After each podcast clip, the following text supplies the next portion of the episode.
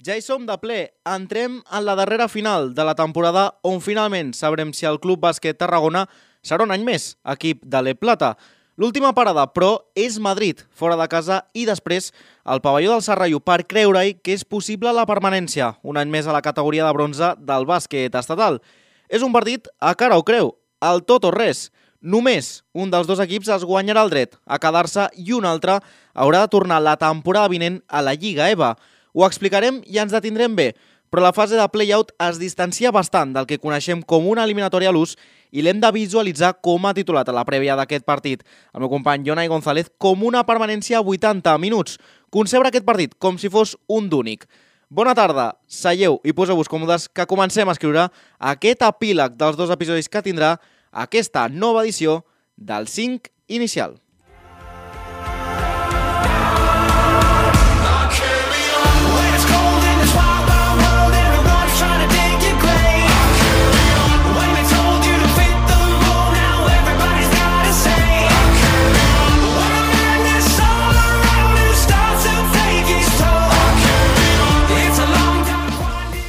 Comencem un nou 5 inicial després de la setmana de recés i de descans que hem tingut esperant a tenir rival per al play-out perquè la conferència oest doncs, no havia acabat encara després de molts partits ajornats, doncs, com ja sabeu, amb casos de Covid-19. Després de la victòria, el pavelló Fausto Vicent davant a l'Ozono Global Jairis a la darrera jornada de Lliga Le Plata, ara arriba l'eliminatòria definitiva, la que serà vida o mort i ha tocat el Centro Bàsquet Madrid.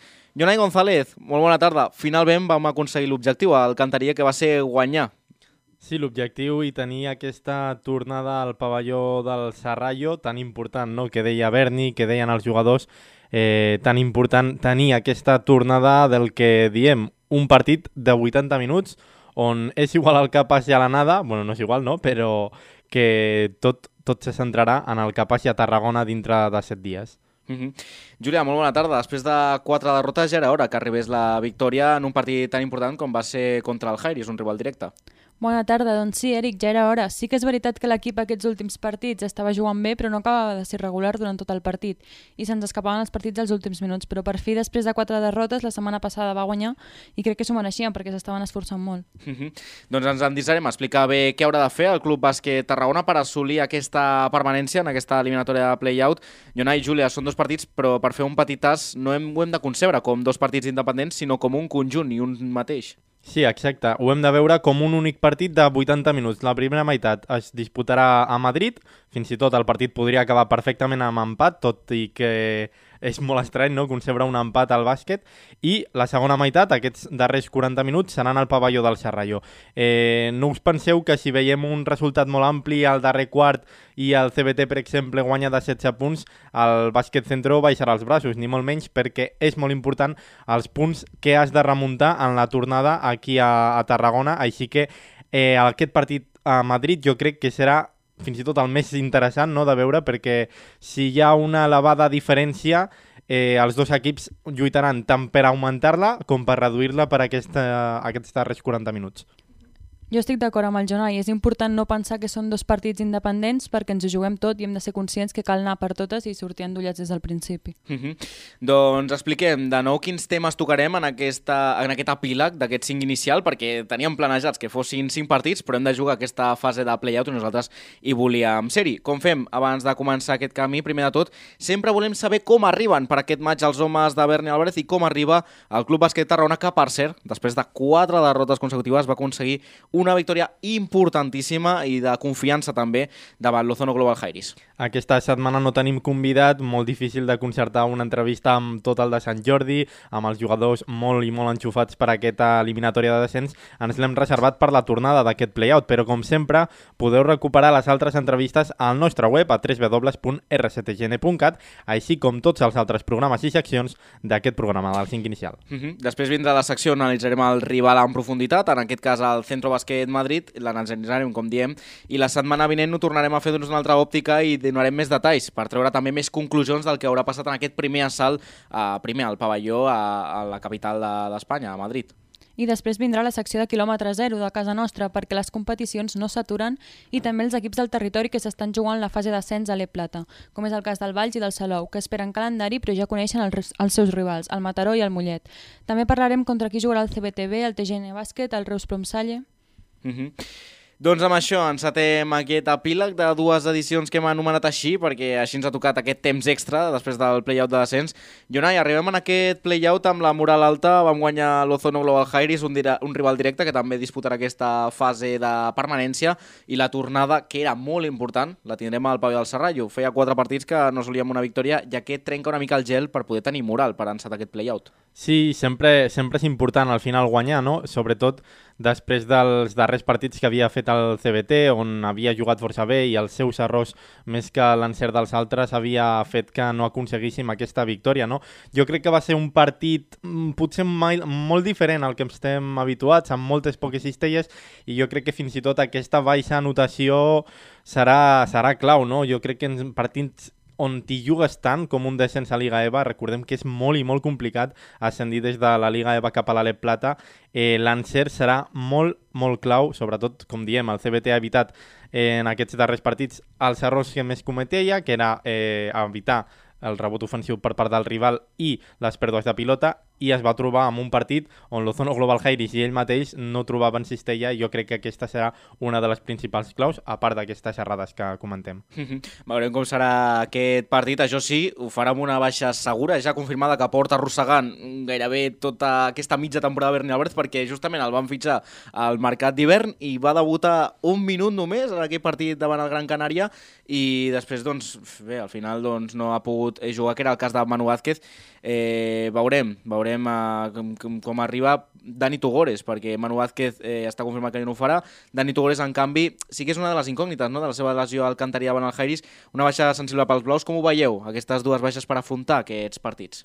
Doncs mmm, baixes sensibles. Jo crec que especialment sensible la de Manu Vázquez, tot i que d'altra banda ja sabem des de fa jornades que no pot competir, així que bé, el CBT està acostumat a jugar sense ell, però important sobretot pel rival, rival amb jugadors molt, molt alts, i jo crec que on els pivots han de fer molta feina en defensa, i la de Tugores, bé, tenim més jugadors en aquesta posició, però també és un jugador que sempre treu el millor d'ell mateix i sempre jo crec que és un dels jugadors fonamentals per treure l'ànima als seus companys. És evident que són dos jugadors molt importants pel CBT i que quan hi són aporten moltíssim a l'equip, però són dos partits importants i els jugadors que estiguin ho hauran de donar tot. Manu Vázquez ja està clar que no arribarà i veurem, veurem si el Dani es troba en condicions per jugar. Mm -hmm. El que sí celebrem és que per fi el CBT va guanyar després de tants partits sense conèixer la victòria. El tècnic del Club Bàsquet Tarragona, Berni Álvarez, se li veia molt content després d'haver aconseguit el triomf. Fora a casa, evidentment, es diu aviat que eren quatre partits que no aconseguíssim la, la victòria, però sí que és veritat que el que diem, no? El partit contra l'Ozono Heights va ser un partit amb moltes imprecisions que al final va predominar el qui menys va fallar, que en aquest cas va ser el Club Bàsquet Tarragona en el pavelló Fausto Vicent i serà clau no cometre tantes pèrdues de pilota i aconseguir tants rebots ofensius com ho van fer en el partit contra el Jairis. Sí, comentàvem que D'altra banda, no eren els errors que, amb els que, quals estem habituats, no? amb el CBT, amb aquestes pèrdues de pilota que arriben fins i tot a la vintena en alguns partits i els rebots ofensius que concedim, però sí que vam veure altres errors, no? Aquest desencert de cara a la cistella i no estem parlant només des del triple, no? És que vam veure cistelles sota l'aro que van fallar, que jo crec que són imperdonables, no? Per una categoria com la Le Plata, jo crec que aquell partit, tots dos equips sabien el que es jugaven, el CBT jo crec que sabia que el Cornellà guanyaria el Barça B, bueno, ja ho comentàvem nosaltres, el Barça B no juga res, així que molt probablement el Cornellà guanyi, i ho va fer, no? I el CBT estava amb aquella pressió de hem de guanyar avui sí o sí, perquè si no, no depenem de nosaltres mateixos per evitar el descens directe, i l'Ozono Global Jairis, d'altra banda, doncs, que com el CBT, uh -huh. volia jugar aquesta tornada a casa, que és molt i molt important. Doncs sí, sí, en l'altra eliminatòria del play-out, en el cas que haguessin quedat a eh, dotzens, com és el cas de l'Ozono Global Jairis, hauríem d'haver jugat contra l'Arquimsa Garbajosa, un equip de Salamanca, i que ha posat a manifest aquesta igualtat de les últimes jornades, ho parlàvem, Jonai, perquè eh, aquesta conferència és, hi havia molts equips involucrats en aquesta lluita per la permanència, però finalment s'ha definit d'aquesta manera i haguéssim jugat contra l'Arquimsa Garbajosa de Salamanca, que estava en bona posició, igual que el, bàsquet Madrid, per assolir la permanència i finalment el Melilla, que tenia molts partits endarrerits, doncs ha fet un final de temporada espectacular.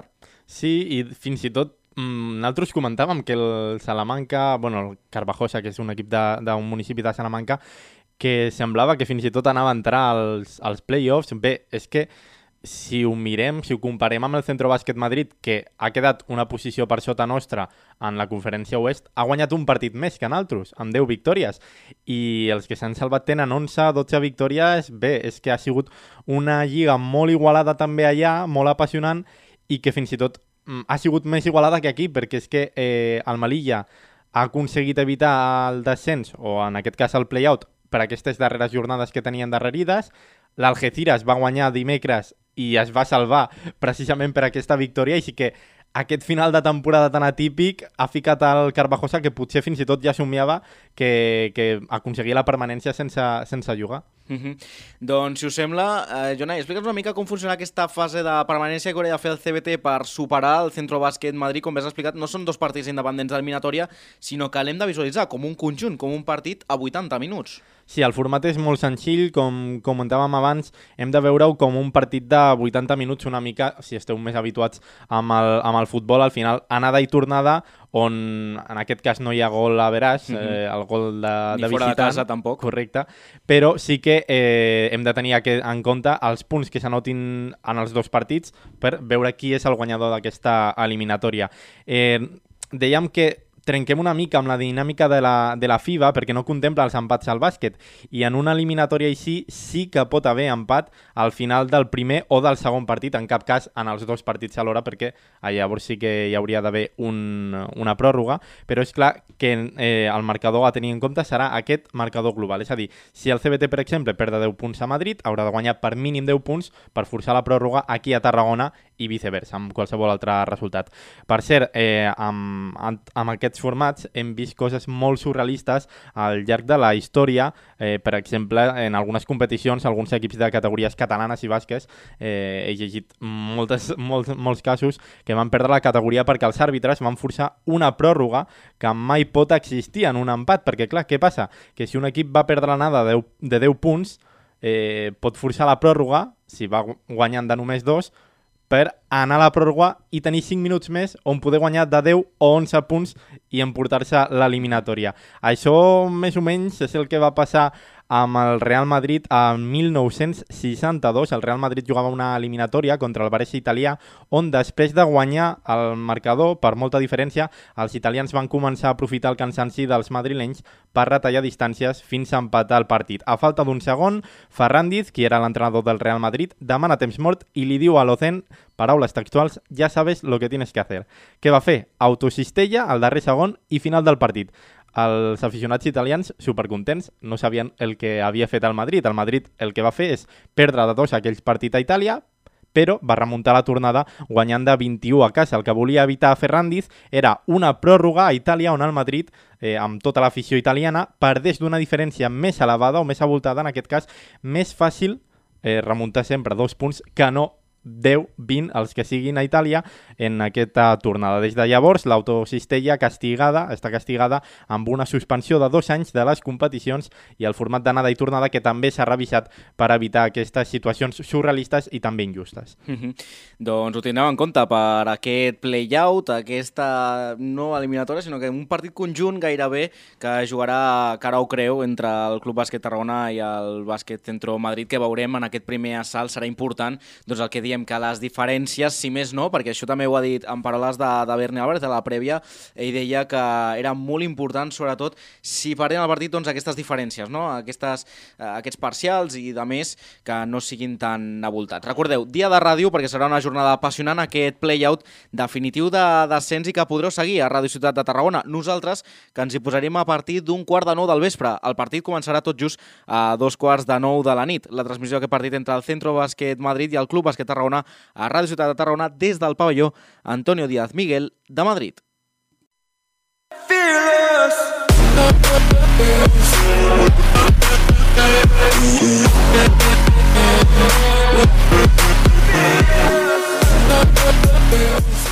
Doncs anem a analitzar aquest rival, el Centro Bàsquet Madrid, un equip relativament nou i que tot just aquest és el seu primer any a l'E Plata després de passar per la categoria de Lliga EVA i és una mica com el Club Bàsquet Tarragona. Aquesta era la primera temporada del CBT després de molt de temps. Per tant, els dos equips, si un dels dos haurà de descendir amb només una aventura d'un any a l'E Plata i que tornarien a Lliga EVA després d'una temporada. Iona, i després passarem a parlar de com ha arribat aquest equip a disputar el play-out per no descendir, perquè és el que hem dit, un final final de temporada del Melilla espectacular, que l'ha complicat les coses, l'ha complicat la vida, però en principi no semblava que fos l'equip que tingués els números per disputar aquesta fase. Una mica sí i no, no? És el, diguem, clar, eh, sempre el, el que puja de categoria és com la Cenicienta, sempre es diu, no? entre cometes, de, del grup, i en aquest cas doncs, era el Bàsquet Centro Madrid amb un equip jove, bé, com, com alguns equips que ens hem trobat, com el Benicarló, que està en procés, que és un equip que ja porta temporades, no? però que s'ha de refer i, i tenir un equip competent que, que, que aguanti temporades a la, a la Le Plata, no? Semblava que, que els de la part baixa no podrien guanyar els de la zona mitja i clar, pensàvem, doncs potser hem de viatjar a Melilla a, a visitar l'Enrique mm. Soler, però no, no, no ha estat així finalment, perquè el conjunt de Melilla ha guanyat eh, els dos primers partits, forçant així a que l'Algeciras també se salvés guanyant el tercer duel del Melilla, i, i bé, tots dos equips s'han acabat salvant, com diem també el Salamanca, el Carvajosa, que lluitarà contra l'Ozono Global Jairis, i el que dèiem, no? Sí que no ens ho esperaven en un principi, però clar, el Centro Bàsquet Madrid ja havia acabat la seva temporada amb 10 victòries i era molt més fàcil que el Melilla depenia d'ell de, mateix per evitar aquest play-out. Mm -hmm. Quan depens de tu mateix també tens aquesta tranquil·litat, igual que li va passar al Cornellà, que no depenia d'ell mateix, va guanyar el partit, però el CBT va guanyar davant el Jairis i no va poder salvar-se. Endinsem-nos llavors una mica més a conèixer aquest equip, el Centro Bàsquet Madrid. Què en sabem d'ells? Perquè és un equip molt i molt jove i Berni parlava que ells físicament el seu punt fort era el físic, però que potser el CBT guanyava molt en experiència, sobretot en aquest tipus de partits. Exactament, crec que el punt a favor que tindrà el centre bàsquet és que perfectament podrà aguantar aquesta eliminatòria, aquests 80 minuts sense problemes i amb un ritme alt. De fet, fins i tot m'esperaria alguna defensa pressionant a tota la pista. Eh, bueno, jo crec que eh, el seu entrenador aprofitarà aquest, aquesta, aquesta joventut, aquesta explosivitat que tenen els jugadors joves per posar en risc i en perill a un CBT i dificultar la seva sortida de pilota. No? El punt en contra precisament és aquesta falta d'experiència que, que comentes i que comentava Berni, i és que crec que si el CBT aconsegueix alguna petita renda, fins i tot una renda alta, que pot servir al centre bàsquet, que encara estaria al partit i a l'eliminatòria, però pot ser que els jugadors joves, amb aquestes rentes, quan s'aconsegueixen, són més de baixar els braços, no? de puf, ja són 10 punts, és molt difícil. Jo crec que aquest serà el punt a favor del CBT i si s'aconsegueix aquesta petita renda, si s'aconsegueix trencar el partit, crec que és quan Berni Álvarez ha de posar ja tota la carn a, a, a l'assador i, i trencar mm -hmm. l'eliminatòria al partit i anar ja a aconseguir aquesta permanència. Mm -hmm. Doncs anem a destacar una mica individualment. Jonai, quins perills té aquest equip tan jove? En qui ens hem de fixar? Perquè té un jugador que té unes dots físiques que el veurem tot just entrem al pavelló. Sí, jo avui tenia pensat venir i dir-te amb això dels jugadors joves que si hem de tenir en compte la velocitat, que si aguantaran els 40 minuts, que compta amb els contraatacs, que sempre ho hem de tenir en compte en jugadors joves, no?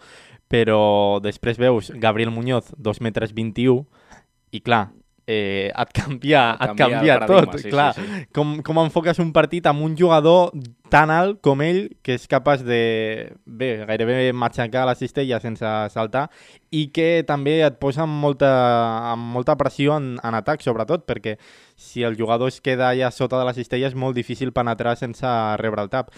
Sembla ser que el jugador no estarà disponible per aquesta eliminatòria, no sabem si per una lesió o què, no tenim ni idea, però el jugador només ha jugat 6 partits des de que va arribar el mes de gener, així que probablement o estigui lesionat o sigui algo greu perquè no ha, no ha disputat cap més partit, 6 partits des del gener, bàsicament s'ha perdut una decena de partits aproximadament. Mm -hmm. També hem de vigilar, però, amb altres jugadors també més joves i que venen d'uns equips molt més importants, també, que podem conèixer perfectament aquests, aquests equips grans. Sí, mm, també analitzàvem, no? Cap jugador és més gran de 27 anys, el, tots els jugadors estan per sota de 27 anys i tenen una mitja aproximada de 22-23 anys, tots els jugadors, i bueno, he remarcat així una mica entre... És que clar, no ho vull dir massa alt perquè després sempre... després passa el que passa que clar. fan el doble, però bé, contra el Jairis uh, no va estar encertat Aramburu. Sí, anem a fer el que... gafe. Aquesta jornada tornem a fer el gafe. Eh, bé, haurem de vigilar sobretot amb Ignacio Rodríguez, el millor jugador del conjunt madrileny, i amb dos jugadors que provenen de fora i d'equips importants en, en les seves respectives lligues, com és el cas de Gonzalo Pereira, exjugador del Benfica, primera divisió portuguesa, i amb Agustín Barreiro, també exjugador, en aquest cas argentí, de Boca Juniors, també de la primera divisió argentina de bàsquet. Uh -huh. I per últim, anem amb els seus precedents, perquè al final de temporada que els ha condemnat a ser al play-out és significatiu. Han tingut derrotes, com per exemple l'Alcobendas, que era un equip ja descendit. Sí, si mirem el còmput global, com he dit abans, eh, podem dir que ells han fet una victòria més que en altres en, en aquesta temporada, no? Hauríem de comparar també no, el nivell de, dels dos equips una mica, perquè bé, sempre es diu que la zona est és més forta, entre cometes, perquè això ha canviat radicalment les darreres temporades, però sí que es diu que és més forta que la zona oest, no? Però bé, per exemple, han guanyat el quart classificat de la seva taula, com és el Clavijo, en un tram final on s'estaven jugant a evitar aquest play-out, eh, marcat també sobretot pels ajornaments, això tampoc els ha favorit gaire. Eh, haver de jugar sense saber què passa amb els altres partits mm, no sé, és una mica el que va passar amb el CBT, no? Dependre d'un altre equip si hagués perdut a, a Múrcia és una mica estrany i no sé si, el, si acaba d'agradar el conjunt madrileny. Bé, també hem de dir que sí que va perdre contra l'Alcobendas, per exemple, un equip que ja ha descendit a Liga EVA, en un grup molt i molt igualat, però què podem dir naltros? És que naltros van perdre contra Cornellà i Hospitalet, mm -hmm. els dos equips que han baixat a, a Liga EVA, i sí que bé, jo crec que això tampoc és una cosa que, que hem de mirar, gairebé borrón i cuenta nueva en, mm -hmm. aquest, en aquest play-out i sobretot veure com, com arriben tots dos equips després d'aquestes dues setmanes per preparar l'eliminatòria eh, amb el CBT sense saber amb qui jugaria i bueno, el bàsquet Madrid igual, sabe, ho sabem des de fa una, una setmana. És que el bàsquet és tot un món, perquè també vam veure l'Ozono Global Jairis que li va posar les coses molt i molt complicades al bàsquet Navarra, va venir aquí al Pau i al Serrallo, que gairebé era un equip en el que sí que ens van ficar davant el partit i de més, però ens va costar moltíssim amb el bàsquet Navarra i el Jairis va estar a punt de guanyar el conjunt navarrès i finalment vam anar allà a Múrcia i els dos equips doncs, amb moltes imprecisions, amb moltes errades i que finalment doncs, que es va decidir per petits detalls. Ja hem analitzat tot el que cal saber d'aquest conjunt madrileny, al Centro Bàsquet Madrid. Recordeu que podeu escoltar el partit a partir d'un quart de nou del vespre, 15 minuts abans del xiulet inicial quan comenci el pavelló Antonio Díaz Miguel de Madrid, aquest Centro Bàsquet Madrid, Club Bàsquet Tarragona.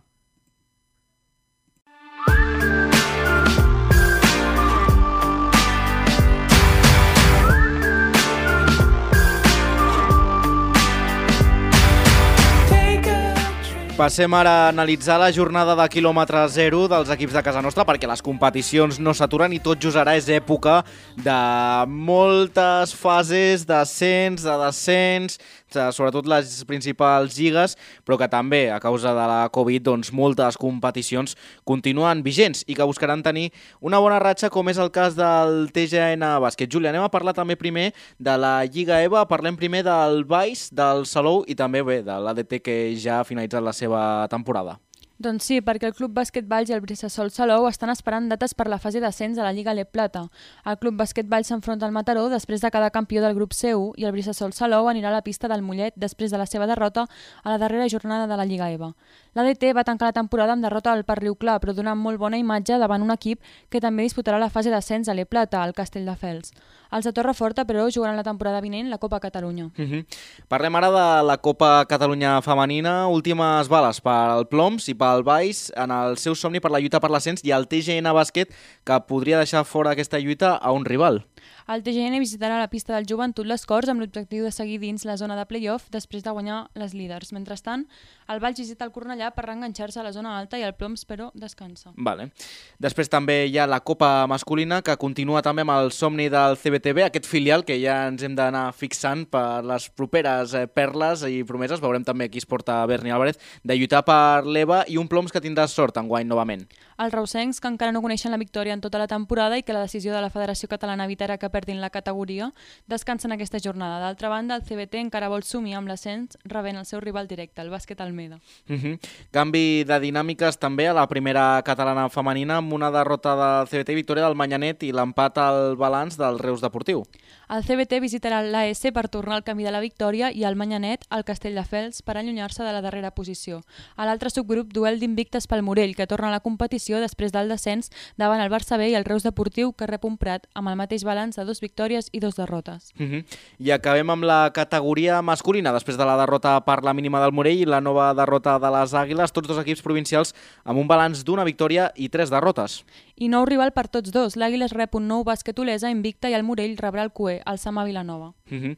Doncs així tenim tota la jornada de quilòmetre zero del bàsquet de casa nostra i fins aquí aquesta sisena edició del 5 inicial, el primer epíleg per aquesta fase de play-out que ens ha tocat disputar i que tindrà el primer sala al pavelló Antonio Díaz Miguel. Jona i Júlia, eh, confiem no, en poder superar aquests dos partits, però bé, en realitat és un de 80 minuts i com a mínim deixar-ho tot obert en aquest primer assalt de 40 per la pista del pavelló del Serrallo amb la nostra afició, el nostre, el nostre públic. Sí, si no s'aconsegueix la victòria o una diferència abundada per, per, per venir aquí amb tranquil·litat a Tarragona, si més no, aconseguir una derrota ajustada i que el Serrallo gaudeixi d'una remuntada entre cometes èpica per tornar a disputar l'Alep Plata, sobretot amb l'afició, com portem dient tota la temporada, no? que hagués estat un plaer eh, veure el Serrallo ple de gom a gom cada partit a la, en el seu retorn a l'Alep Plata. Uh -huh. L'equip és capaç de guanyar aquests dos partits i esperem que així ho faci, no? Uh -huh. Doncs això és el 5 inicial, el programa de Ràdio Ciutat de Tarragona, que amb el Club Bàsquet Tarragona som més que un equip. Recordeu que ens podeu seguir en directe a partir d'un quart de nou del vespre amb la transmissió del Centro Bàsquet Madrid Club Bàsquet Tarragona, una retransmissió que fem amb Jonai González, Sílvia Petit, Júlia Camprubí i jo mateix, Eric Rosique. Us esperem a tots i fins la propera.